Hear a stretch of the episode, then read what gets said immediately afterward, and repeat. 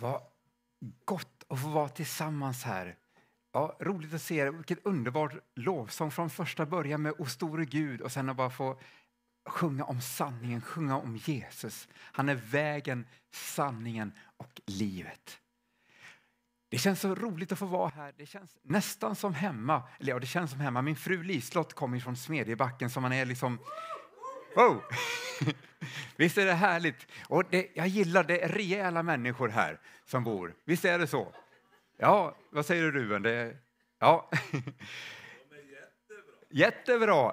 Ja, jag, jag kommer från Stockholm från början och vi bor i Värmland, så, men det var svårt. En, en fortacke. Jag försöker komma i värmländska, men det är svårt. Och det här kan jag inte ens dal, dalmal, dal, nej, vi, vi lägger ner det. Eh, vad roligt att få vara här. Och jag vet att barna är med också i början här. Hur många är det som är typ 12, 13 och upp till 20? Har vi några stycken här? Ah, gott att se er. Och idag ska jag faktiskt prata om sanningen som står fast och lögnen som vacklar rent bokstavligt. Och någon, nu kanske någon tycker det här är rena grekiskan. Nej, det är rena hebreiskan. Så har vi m och så har vi eh, säker som är lögn. M betyder sanning på hebreiska, säker lögn. Så vi ska titta lite på de orden. Och ni barn, ni kommer liksom, eller barn, ni som är lite, eh, vi kommer titta, ni kommer lära er två hebreiska bokstäver och lite andra saker. Så liksom, ja, det här får bli en söndagsskola i sin verkliga betydelse. Men eh, vi ska ta första bilden här. Jag, eh, ta en by, nej, det är jag som byter bild. Så, eh, ja, eh, vi bodde ett tag, eh, fem och ett halvt år i USA, Lisa och jag. Och där har man ofta skyltar utanför kyrkan som man sätter upp. Eh, jag vet inte om ni har, jag tror inte jag har sett det, men det skulle kunna liksom kanske nästa församlingsmöte, eh, sätta en kyrkskylt ut mot vägen här. Eh, men alltså man berättar när det är gudstjänster och lite sådär. Och då en, så jag tar, tar några skyltar därifrån. Tuta om du älskar Jesus. Skicka ett sms medan du kör om du vill möta honom redan nu. Eh, ja, det kan vara en liten uppmaning. Alltså, man ska inte sitta och skriva sms för då kan du krocka. Så ja, ett bra förslag på liksom lite evighetstema ändå på den. Eh, nästa. Nej, nu var för snabb. Det skulle inte vara. Nu vet ni vad som kommer hända. Nej, Ja, nu. Den här ska ni passa på till sommaren här när Ruben är på semester. Eller visst var du borta förra? Du var i Brasilien. Ja, eh, då skulle ni tagit den här. Now is a good time to visit. Our pastor is on vacation. Passa på att besöka oss nu. Pastorn är på, på semester. Ja, det, Ruben kanske säger veto på den. Eh, vi får se.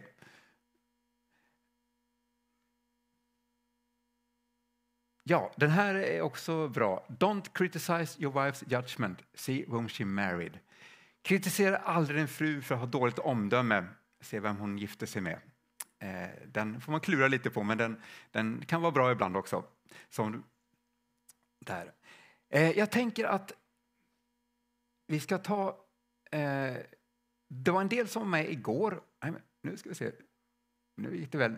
Eh, men jag håller på med bibelöversättning, jag har hållit på det senaste 19 åren. Och, eh, jag vet, när, jag var, när jag var typ 12-13 år, kanske var första gången jag träffade i kyrkan någon som var bibelöversättare. Och då var det, det såg lite ut som Ruben med långt skägg så här och så mm, det grekiska ordet. Alltså det, det, var min bild av en bibelöversättare, liksom, ganska så här liksom, lite inbunden person. Eh, ja, inte, inte Ruben alltså, utan den... så, nej.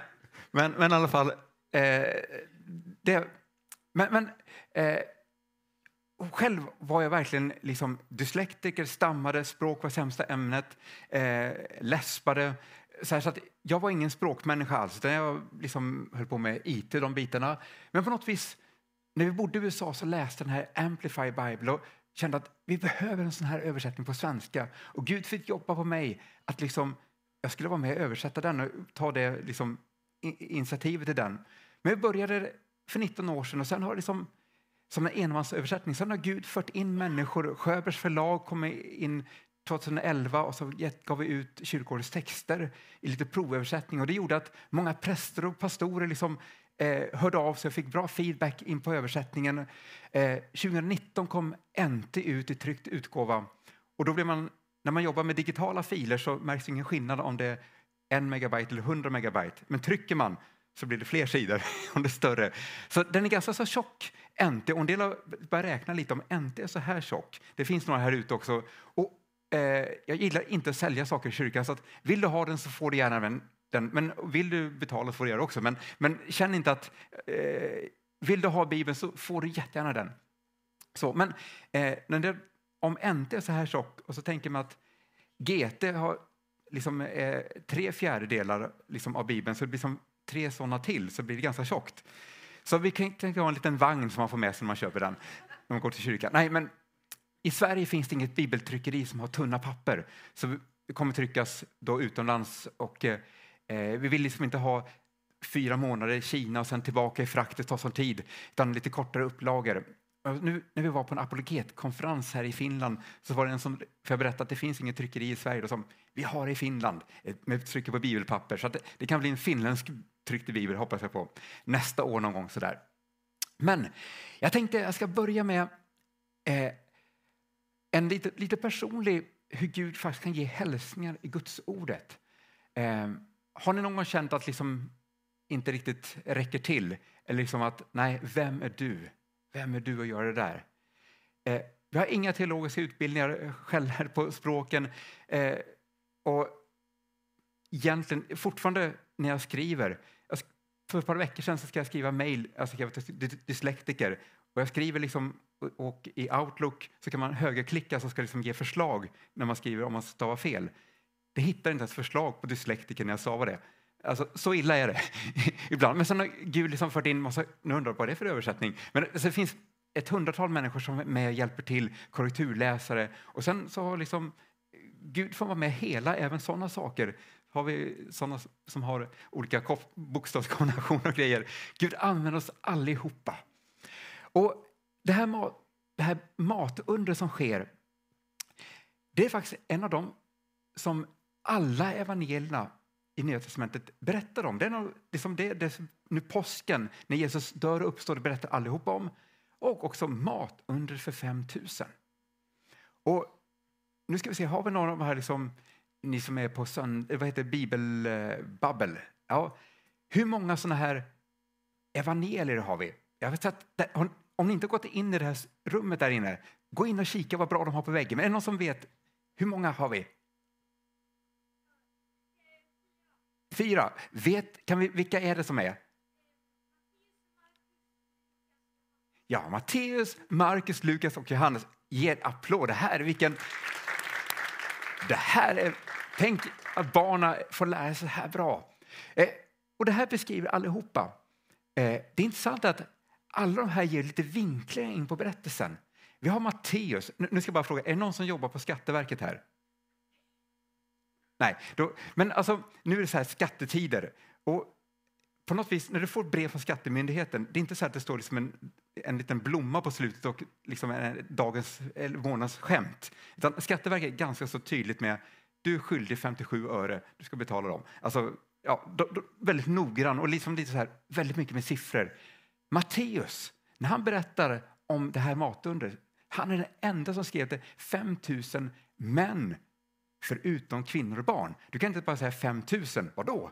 Vi måste vara väldigt definierade här. Så 5 000 män förutom kvinnor och barn. Så det rör sig om att det är kanske 20-30 000 människor som finns här. Matteus har vi eh, Markus, han skriver för romare. Och där kan du tänka dig som, där går det inte att börja med en släkttavla.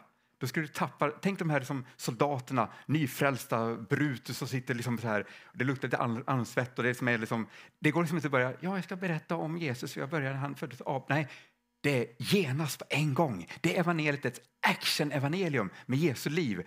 Genast används liksom 50 gånger i det evangeliet. Och han berättar liksom, Jesus gjorde det här. Sen har vi Lukas, som är läkaren Lukas. Och han är väldigt noggrann. Det är intressant hur han faktiskt kör varannan damernas. Det är en liknelse med en pojke, en, en flicka som blir helad. Det är en liknelse med en, en man som har får, en kvinna som har ett mynt. Och det är väldigt intressant, vem är det som har mynten? Det vet ni män när du handlar. Ja, ja. Men alltså, han kör genomgående varannan damernas. Och jag menar, du skulle kunna säga Jesus är jämlik, Jesus är jämlik. Lukas visar i handling att Jesus är jämlik. Genom hela, kolla gärna på det. Se hur han faktiskt växlar hela tiden när han väljer berättelserna. En kvinna, en man, en pojke, en flicka. Eh, när vi kommer till Johannes så är han liksom den här lite mer poeten i, han berättar storyn liksom med sju stycken mirak, liksom tecken. Som, och, och, så här. Men han har med det här. Och Johannes, han är den yngste lärjungen. Är det någon av er som är typ 13 år? Är det 12 eller 13? Ja, jag tror, tänk att faktiskt Johannes är lika gammal som du är när han blir kallad som lärjunge. Tänk att liksom, du ska välja liksom lite vart man ska gå, typ nian eller början på alltså lite snart, eller, när man är, hur, vad, eh, hur gammal är man? Eller, vad går man när man är 13? Vilken klass? Typ sjuan. Alltså tänk dåtidens, när man går upp till, liksom, till högstadiet. Då kunde man välja, liksom, jag går i Jesusskolan eller jag går liksom, ska bli, liksom, eh, eh, jobba med liksom, snickerier. Alltså, du väljer. Och då var det faktiskt vanligt att man, när man blev vuxen, att man kunde följa och vara en lärjunge. Så om man räknar lite, om, om vi vet att Johannes skriver Uppenbarelseboken någonstans, liksom, det rör sig 95, alltså någonstans innan, så bör han faktiskt varit i den åldern när han kallar. Och vi märker att Jesus har lite extra hand om honom. Han sitter närmast. Liksom. Och, och Johannes är den yngste. Eh, vi vet att den äldste är troligtvis eh, Petrus. Han är gift. Och när de ska betala tempelskatten, och det läser vi i Gamla testamentet, att mellan 20 och 50 år så betalar tempelskatt och det är bara Jesus och Petrus som nämns att betala den. Så troligtvis är de andra lärjungarna någonstans mellan 13 och 20 år gamla. Ett ganska ungt gäng. Men Johannes den yngste, han är den som ser små detaljer som de andra inte tänker på. Och De är ju vid Genesarets sjö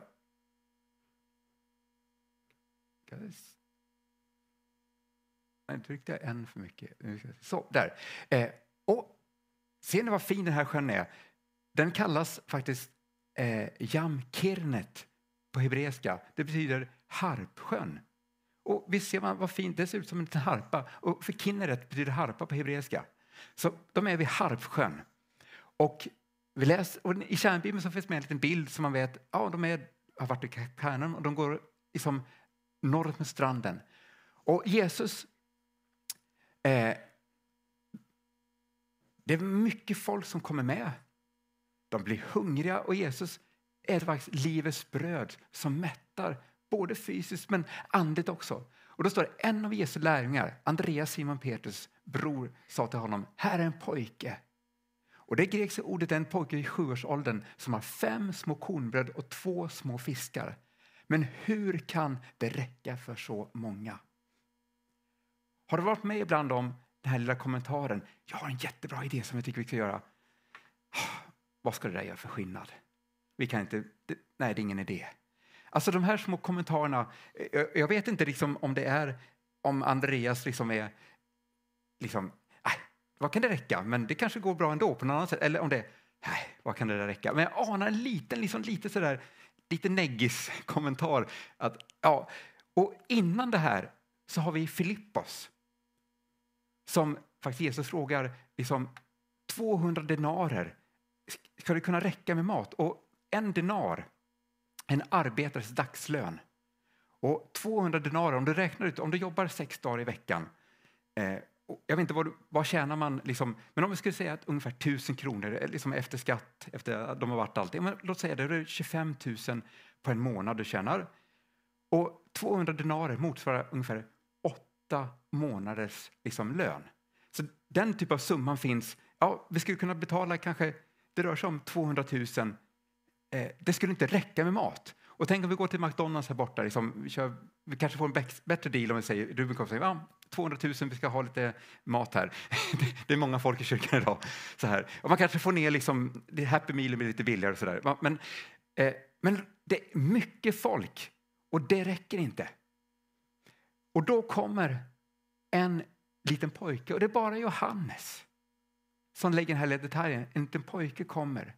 Och när, när, Bibel liksom, när, man gör, när man gör illustrationer på det här så försöker man ofta, ofta hjälpa Jesus lite. Då är det liksom ganska stora fiskar och så är det liksom hela limpor som, ja, liksom, för då räcker det lite lättare. Men i grekiskan är det jättekul, det är små kornbröd, det är såna här små liksom crackers, de här små liksom runda som är salta.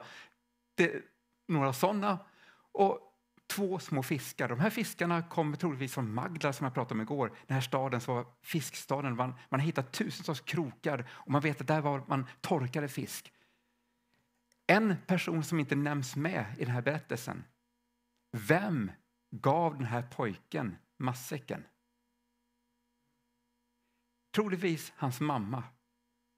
En, en liksom så väldigt doldis liksom i flera led bak är det mamma som tar hand om sitt barn. Ta med dig lite matsäck så du har. Det är den första doldisen i den här berättelsen. Lille pojken liksom förstår att ja, men här behöver de mat. Och han liksom, på något vis kommer fram med de här små kornbröden. Här små torkade fiskarna. Till och med i kommentaren, vad ska det här slå till? Vad ska jag räcka till?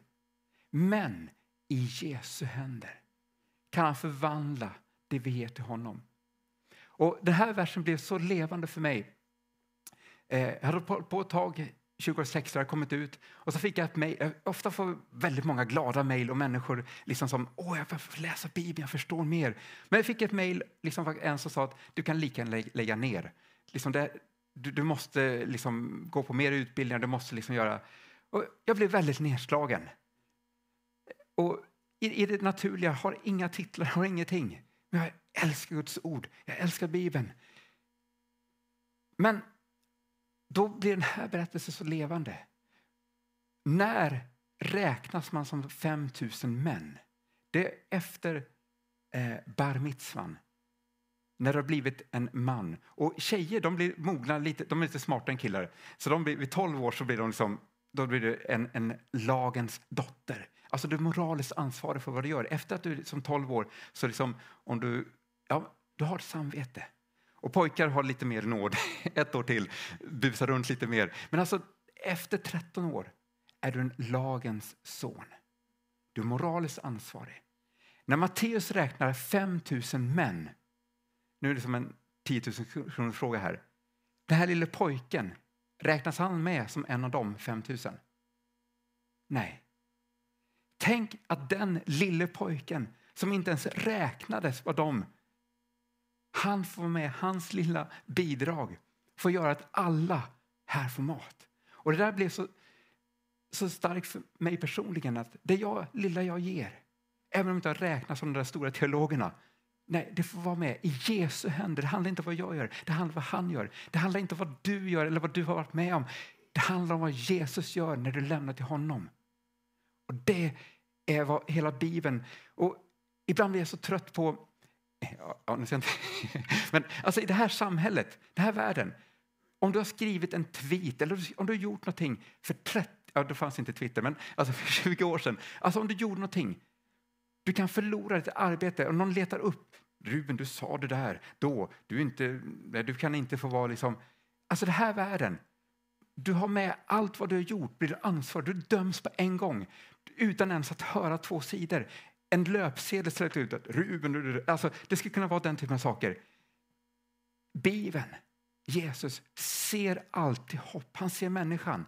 Det kanske är en förvandling. Ja, du kan ha haft det tufft för men det finns hopp. En kristen ser alltid en människa. Wow, det ser potentialen. Även om du var den bråkigaste i skolan, Gud kommer kunna använda dig som en evangelist. Alltså Gud ser hopp. Han ser, den här världen är så man säger att vi dömer inte. Jo, den här världen dömer utan ens ha hört båda sidorna. Gud är faktiskt den som är långsam att döma. Det är därför han väntar med att komma. Han väntar med för att han vill att folk ska få tid att omvända sig. Nu känner jag, nu är det nästan predikan här. Ja, det ska man göra. Eh, jag ska landa i det här kände jag var tvungen att ta det här på vägen hem igår. Så jag måste få dela denna lilla berättelse. Att det lilla du har, det, kan, det spelar roll i Guds rike.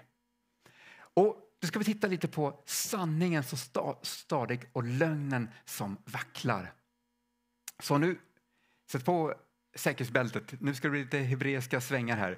Och det är så kul. Eh, Daniel, alltså, jag satt, igår satt och pratade, det är så roligt med ödmjuka människor som är, liksom, älskar Guds ord. Och, ja, det fanns så många i, jag satt vid fikat igår och pratade. Det är så den här församlingen älskar Guds ord och öppen bibel. Vilket bra namn! Alltså, Bibeln ligger öppen och vi läser den. Det, ja, eh, Ludvika ska man bo i. eh, nu så ska vi titta på de två första bokstäverna.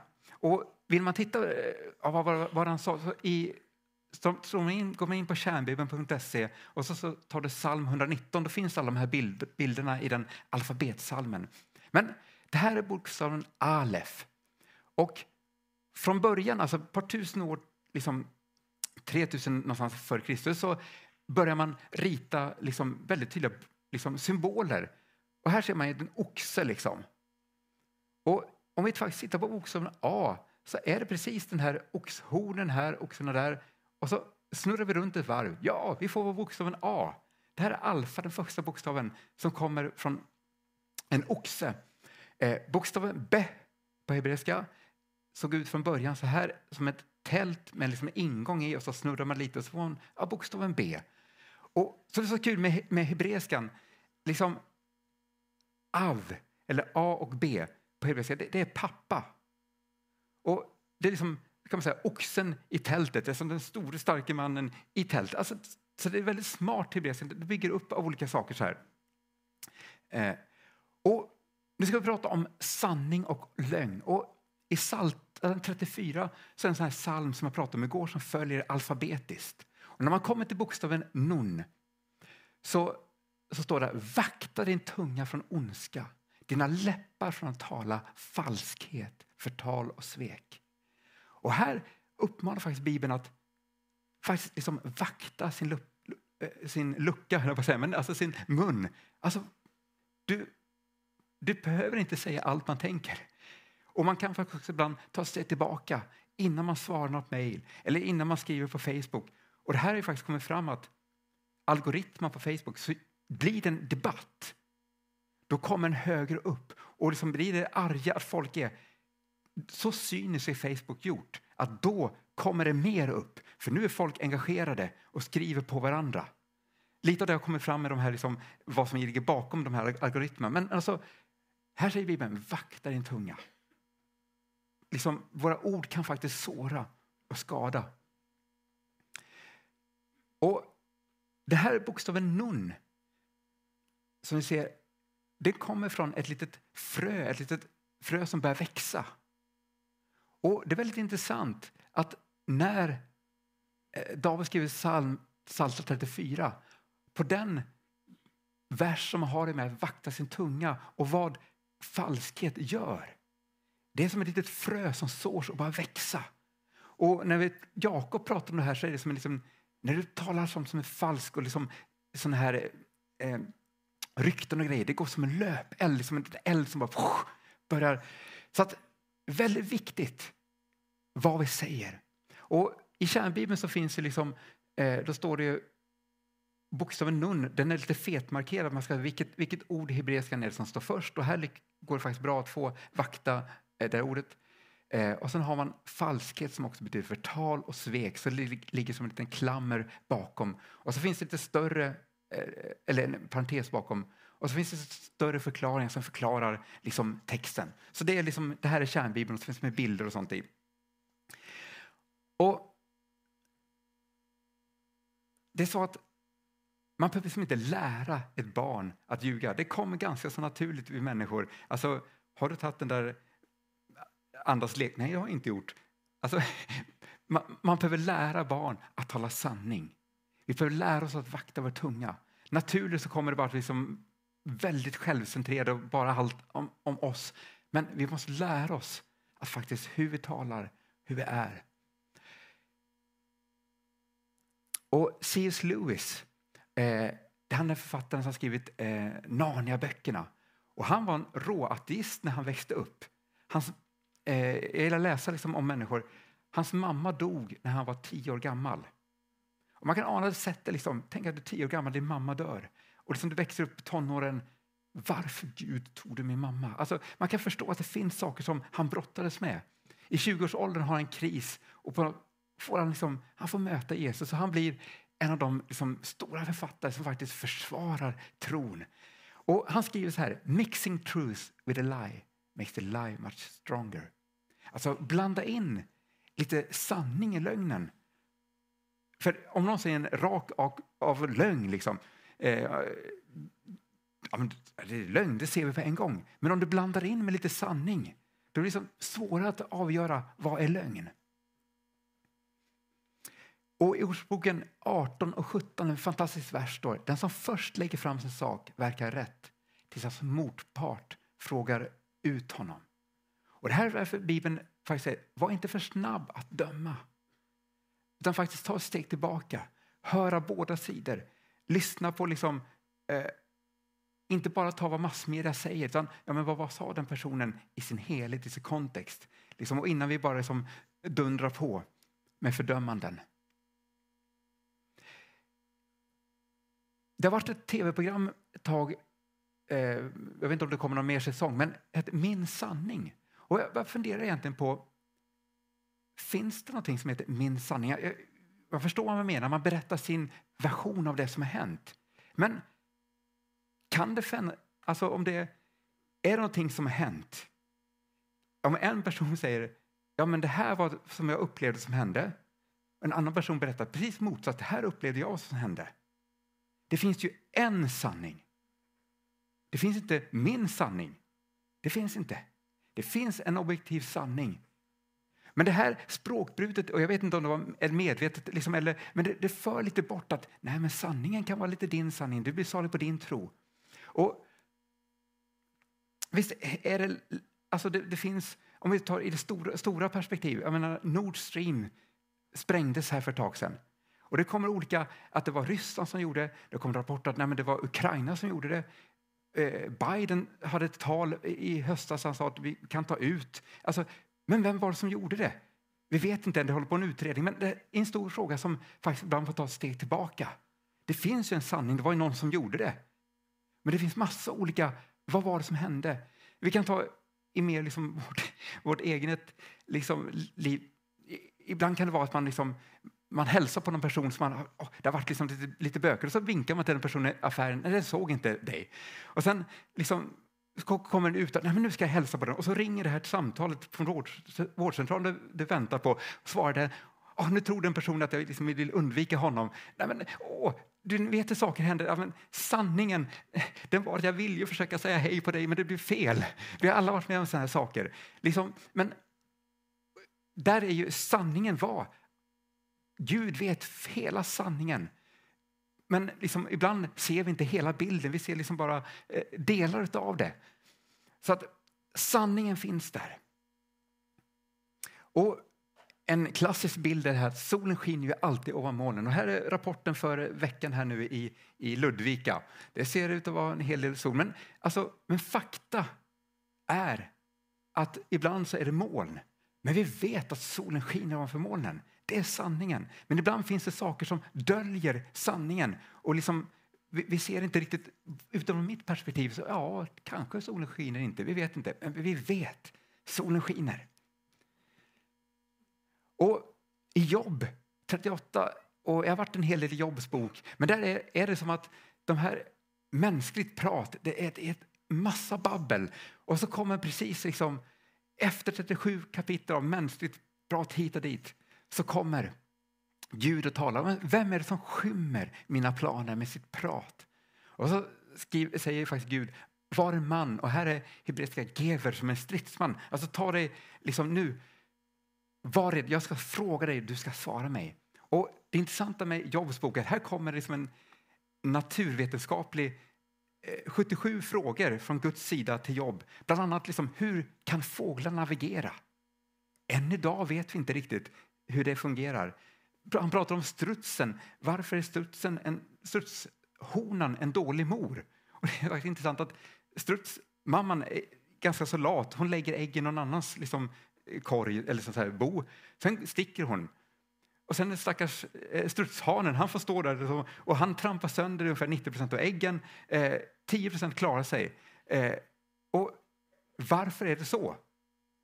Varför springer strutsen 70 km i timmen, flaxar lite och ser ganska kul ut? Ja, men alltså det, det, är en av de frågorna som Gud ställer till, till Jobb. Och Jobb liksom bara, mm, nej jag vet. Och än idag, de flesta av de här frågorna vet vi inte. Och om vi då, varför dog någons barn kanske för tidigt? Varför hände saker? Om vi inte förstår ens grundläggande naturvetenskap om fåglar som kan navigera, hur tror vi att vi kanske ska förstå Guds hela plan? Så, så det sätter saker in i sitt perspektiv.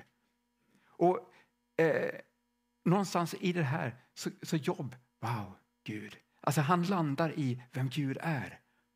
Och än idag så vet, alltså det, det finns svåra saker, men Jobs bok är den äldsta boken. Och tar upp den äldsta frågan om varför finns det lidande. Och hur pratar Gud med människor? Och det här är faktiskt väldigt intressant. Gud ställer frågor. Adam, var är du någonstans? Och det är inte så att Gud liksom, men jag undrar vart han tog vägen någonstans. Men hallå Adam, självklart visste Gud var Adam var. Frågan är om Adam visste var han var någonstans. Var är jag i min relation till Gud? Och det här är faktiskt en fråga som Gud ställer. Jonas, var är du någonstans? Liselott, var är du någonstans? Det är så Gud ställer frågan. Han säger inte bara nu är du, utan vill faktiskt få dialog med oss. Först tänka, hur tänker vi? När Petrus hade gått på vattnet, han hade först liksom, det spöke, vem är det? Nej men det är du Jesus, ja, men, ja, då vill jag gå på vattnet. Och så ut och går. Och sen, nej vattnet jag sjunker. Och så tar igen Jesu hand och lyfter upp honom. I Jobs bok så står det istället, bara Gud kan trampa på vattnets vågor. Det är en profetia som faktiskt Jesus uppfyller när han går på vattnet. För bara himlens Gud kan gå på vattnet. Och det fantastiska är att när Petrus går tillsammans med Jesus är ingenting omöjligt.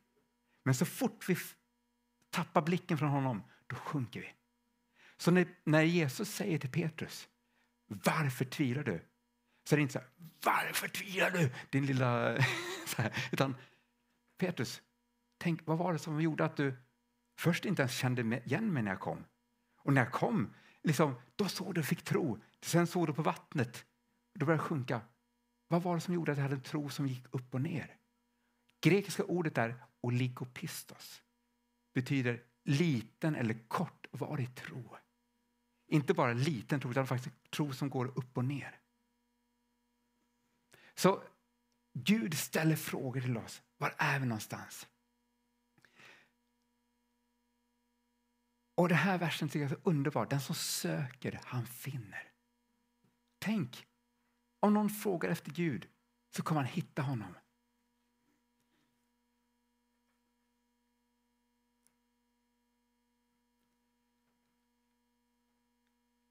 Den här versen är, Jesus använder ofta som bilder av djur.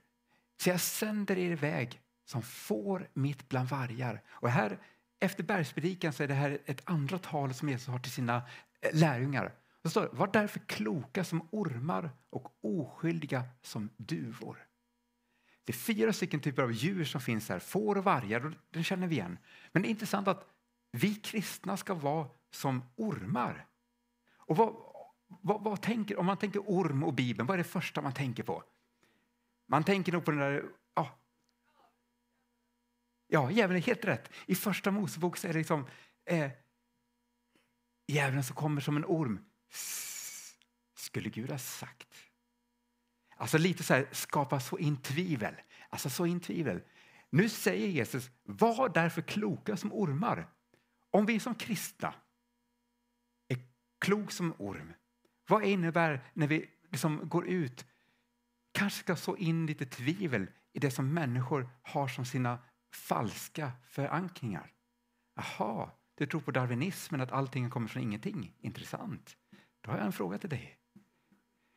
Jaha, intressant. Du liksom tror att eh, liksom, varför har vi sjukhus egentligen? Ja, men de första kristna var som faktiskt bryr sig om människor. Alltså, om man bara får så inte, jaha, vi har, lever bara liksom för att liksom, den här världen liksom sätter så större hus, större båt. Ja, intressant att varför mår alla rik, väldigt många rika människor ganska dåligt psykiskt? Vad är det som, alltså ställa små frågor, men inte liksom på ett ont sätt, utan oskyldigt som duvor. Så Jesus lägger till, amen, var, så in lite tvivel i det som är falskt. Men gör det oskyldigt, på ett, liksom, på ett, på ett ärligt sätt. Och en fråga som jag brukar gilla att ställa till, till ehm, um, sådana som är uh, kår, liksom, ateister är humlan. Vet ni hur många vingslag en humla har per sekund? Nej, vet ni hur, många, om, om, man tittar på film, typ så här, då brukar det vara ungefär 24 stycken eh, såna här bilder per sekund. Och sen har man lite mer HD sånt har kommit upp nu. Jag tror det är 60 som är liksom, då är det, då är det super liksom bra. En humla har 180 vingslag i sekunden och det liksom vinklar om det också mellan varje. Det är därför som man liksom inte har kunnat förstå hur humlan flyger. För varje gång man tagit kort på det så är det, liksom... det är så många för det. Så humlan, liksom, en fantastisk skapelse. Och då är det intressant att hur liksom evolutionen, lägg miljarder år på att en humla, kommit, en liten humla här, mutationer 40 gånger, nej 30 den här gången.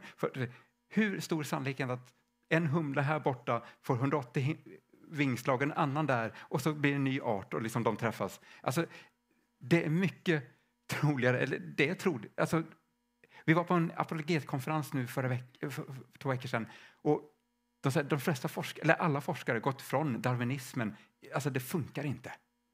Men fortfarande skolor och allting, liksom, de är pumpar på med det miljarder år. Ja, men så lite tvivel i det som lärs ut som fakta när det inte är fakta, när det är, när det är lögn. Nu ska vi landa in i sanning. Så nu på med, med eh, säkerhetsbältet. Men här har vi m och så uttalas hebreiska ordet för sanning. Och den första bokstaven är alef, sen kommer bokstaven mem och så kommer bokstaven tau. Och det intressanta är att alef är den första bokstaven, mem är den trettonde bokstaven och tau är den sista bokstaven. Men titta på varje bokstav här så har den, står den stadigt. Alef ser ut ungefär som vårt X, men den har två stycken ben som den står på. Eh, mem har den en rak kant här och en stadig sten. Och eh, vi har eh, tau som också har två stycken punkter. Varje bokstav i sanningen står fast. Och liksom rent bokstavligt så står bokstäverna bom, bom, i, i sanningen. De står där. Du kan liksom inte knuffa på dem, utan bom, bom, de står där stadigt. Och san, ordet för sanning det kommer från ordet aman. Eh, och sen är det intressant att, som jag sa, den har den första, den mittersta och den sista bokstaven. Den liksom tar in helheten. Sanningen är liksom, ser inte bara en liten bit, utan den tar in allting. Det är sanningen. Och om man nu vill gå in, jag vill att liksom ni går härifrån att inte, ja det var en bra predikan, men hur hittar man de här sakerna? Så om man vill titta på sanning, kommer in på kärnbibelns sida så kan man skriva i sökfältet, ska vi se, ja, så kan man skriva sanning och så får man upp hebreiska ord och eh, arameiska och grekiska. Då kan man klicka på sanning. Eh, och då kan man se ordet sanning och man kan se var det kommer ifrån. Eh, och ja, Det kommer faktiskt från ordet Amman. Och Amman är en stad i, i Jordanien, deras huvudstad, som faktiskt betyder pelare, liksom en stadig stad. Och där var vi i höstas och det är liksom en rejäl stad kan man säga. Den står stabilt. Så Amman, eh, Emmet, sanning, något som är stabilt. Så sanning är både sann och stabil. Alltså ibland blir det så här, oh, oh sanningen, sanning. Nej men sanningen står där. Ibland kan vi, vi kan vara väldigt lugna i att sanningen kommer alltid komma fram. Man behöver liksom inte vara stressad att oh, nu, nu, måste det. Nej men sanningen, det kommer fram. Det, det går att dölja den ett tag och så, men till sist kommer den fram. Vi hade fall faktiskt i, i Värmland med en man som Eh, jag, vet, jag tror du har sett på nyheter med, med en frysbox har haft sin kvinna eh, ja, flera år. Men på något vis samvetet bara tala när han var in på sjukhuset att jag måste berätta. Sanningen kommer att komma fram. Summan av Guds ord är sanning. Vi tar in helheten. Man kan inte bara ta en vers, utan vi tar helheten så får vi Guds ord som är sanning. Din rättfärdighet, en evig rättfärdighet, din undervisning är sann. Guds ord är sant, det står stabilt. Det är, liksom, det är sanningen. Och motsatsen till sanning är lögn. Och på något vis är det att man är bortledd ifrån vad sanningen är. Och på hebreiska är det säker. Och Den som man säker. Lite den här ormviskningen finns även i ordet säker. Men det ordet eh, shin, kaf och resh. Och det är den 19, 20 och 21 bokstaven. Men det intressanta är att rabbiner brukar säga att tau, den sista bokstaven, den är redan upptagen av sanningen. Så lögnen får ta näst bästa. Och liksom kommer där, och det ser ganska så bra ut. Och den första bokstaven, eh, jag tar nästa bild här. Sen är de i huller om buller också. Det är kin som kommer den sista, sen kommer koff som är nittonde och sen kommer resh, mitten. Så att de hoppar liksom fram och tillbaka så sanningen är inte ens konsekvent utan det är lite hopp. Medan, eller lögnen är inte konsekvent, den hoppar. Medan sanningen har den första, mittersta, sista. Så det följer liksom en fint liksom mönster också. Så vi ser det som skillnaden. Sanningen litar ute och försöker imitera Tao, men lyckas inte. Varje bokstav vacklar. Om man tittar på kin, den rullar åt sidan. Koff står på ett litet ben och ramlar och resh ramlar också. Så rent bokstavligt så ramlar lögnen. Den står inte, den kanske står lite tag där, men minsta vindpuss bara, så rasar varje bokstav i lögnen. Men sanningen, den står där. Visst är det fantastiskt? Guds ord står där. Liksom rent, rent bokstavligt så är lögn stabil. Och eh, eh, eh nej, eh, nej, Bra, ni med?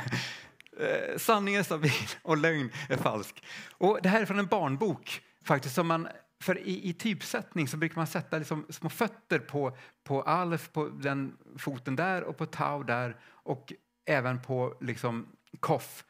Så det är en typografisk kallelse, det här är från en barnbok. Men alltså, sanningen står med två stycken fötter på jorden. Lögnen står på ett ben och vacklar. Och var ligger vi i tid? Ja, men jag, jag, går in i lite landning nu tror jag faktiskt. Det, det blir bra. I psalm 12 så ska jag ta bara läsa den. Och eh, Det är intressant, den här psalmen den, här, den har om, om lögn och talar också om att Gud kommer att segra med sin sanning.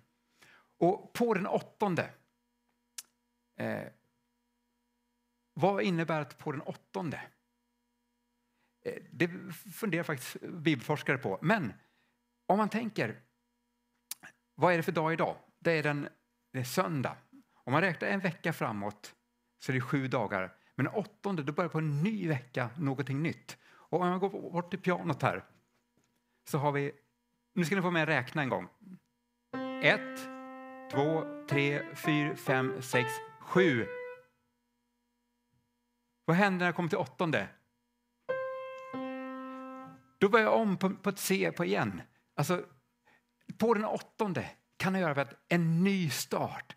Gud vill göra något nytt. Så det finns det två salmer på den åttonde. Och det här salmen är att Gud vill starta något nytt. Det här ger hopp. Och den här skriven som en kiasm och ni som var inte med igår, ni får titta i psalm 23, där fantastiskt liksom vad kiasm är. Men i mitten finns liksom det stora. Och jag läser den här salmen eh, kommer bara som avslutning. Hjälp Herre!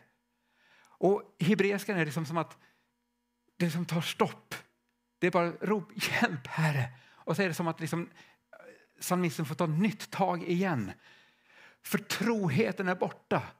Det finns inte inga fromma längre. Det lojala finns inte kvar bland människorna. De ogudaktiga går omkring på alla sidor. när det usla upphöjs av människorna. Alltså på något vis läser vi nyheterna, tittar vi, kan vi känna igen oss i den här salmen? Vart är vi på väg? Vart är vårt land på väg? Det här är en psalm som ber. David kände likadant. Alla ljuger för varandra med insmickrande läppar, tal, läppar och med ett dubbelt hjärta talar det. Inkonsekvent, ombytligt, opolitligt. Låt Herren tysta utplåna alla smickrande läppar, den tunga som talar stora, vidlyftiga, skrytande ord. De säger, vår tunga ger oss makt, våra läppar tillhör oss. Vem är Herre över oss? På grund av förtrycket mot de svaga, på grund av ropen från de hjälplösa. Därför, med svar på detta, reser sig nu Herren upp och säger jag ska ge dem den räddning, frälsning, Jeshua, de längtar efter.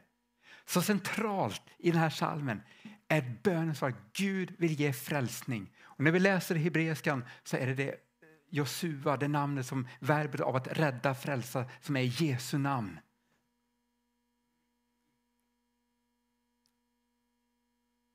Och i Johannes 8.31 står det, då sa de ta Jesus till de judar som hade kommit till tro på honom. Om ni förblir i mitt ord är ni verkligen mina lärjungar. Då ska ni förstå sanningen och sanningen ska göra er fria. Jesus, han är vägen, han är sanningen och han är livet. Vi ska ta en bit lovsång Take me back. Välkommen upp. Så tänk, jag vill bara få be en bön. Jesus, jag vill tacka att du är sanningen, Herre Jesus. Du är vägen och du är livet, Herre Jesus. Tack att du står fast, Herre Jesus. Du är sanningen. Du är den som står på två fötter. Du är sanningen. Liksom varje del i dig står fast, Herre Jesus. Och Herre, tack att vi får stämma in i den här bönen.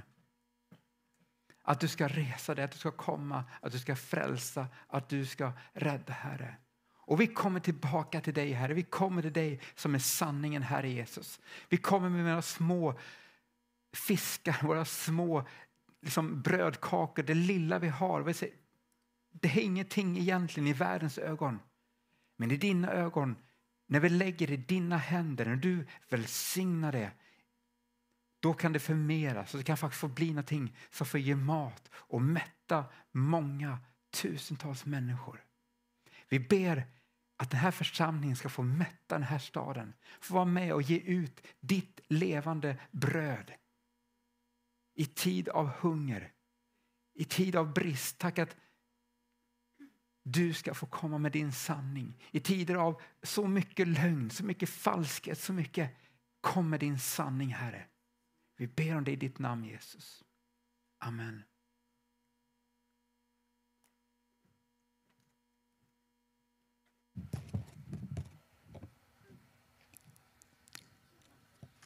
Tack för din spännande och intressanta och jätteviktiga predikan och det du har delat.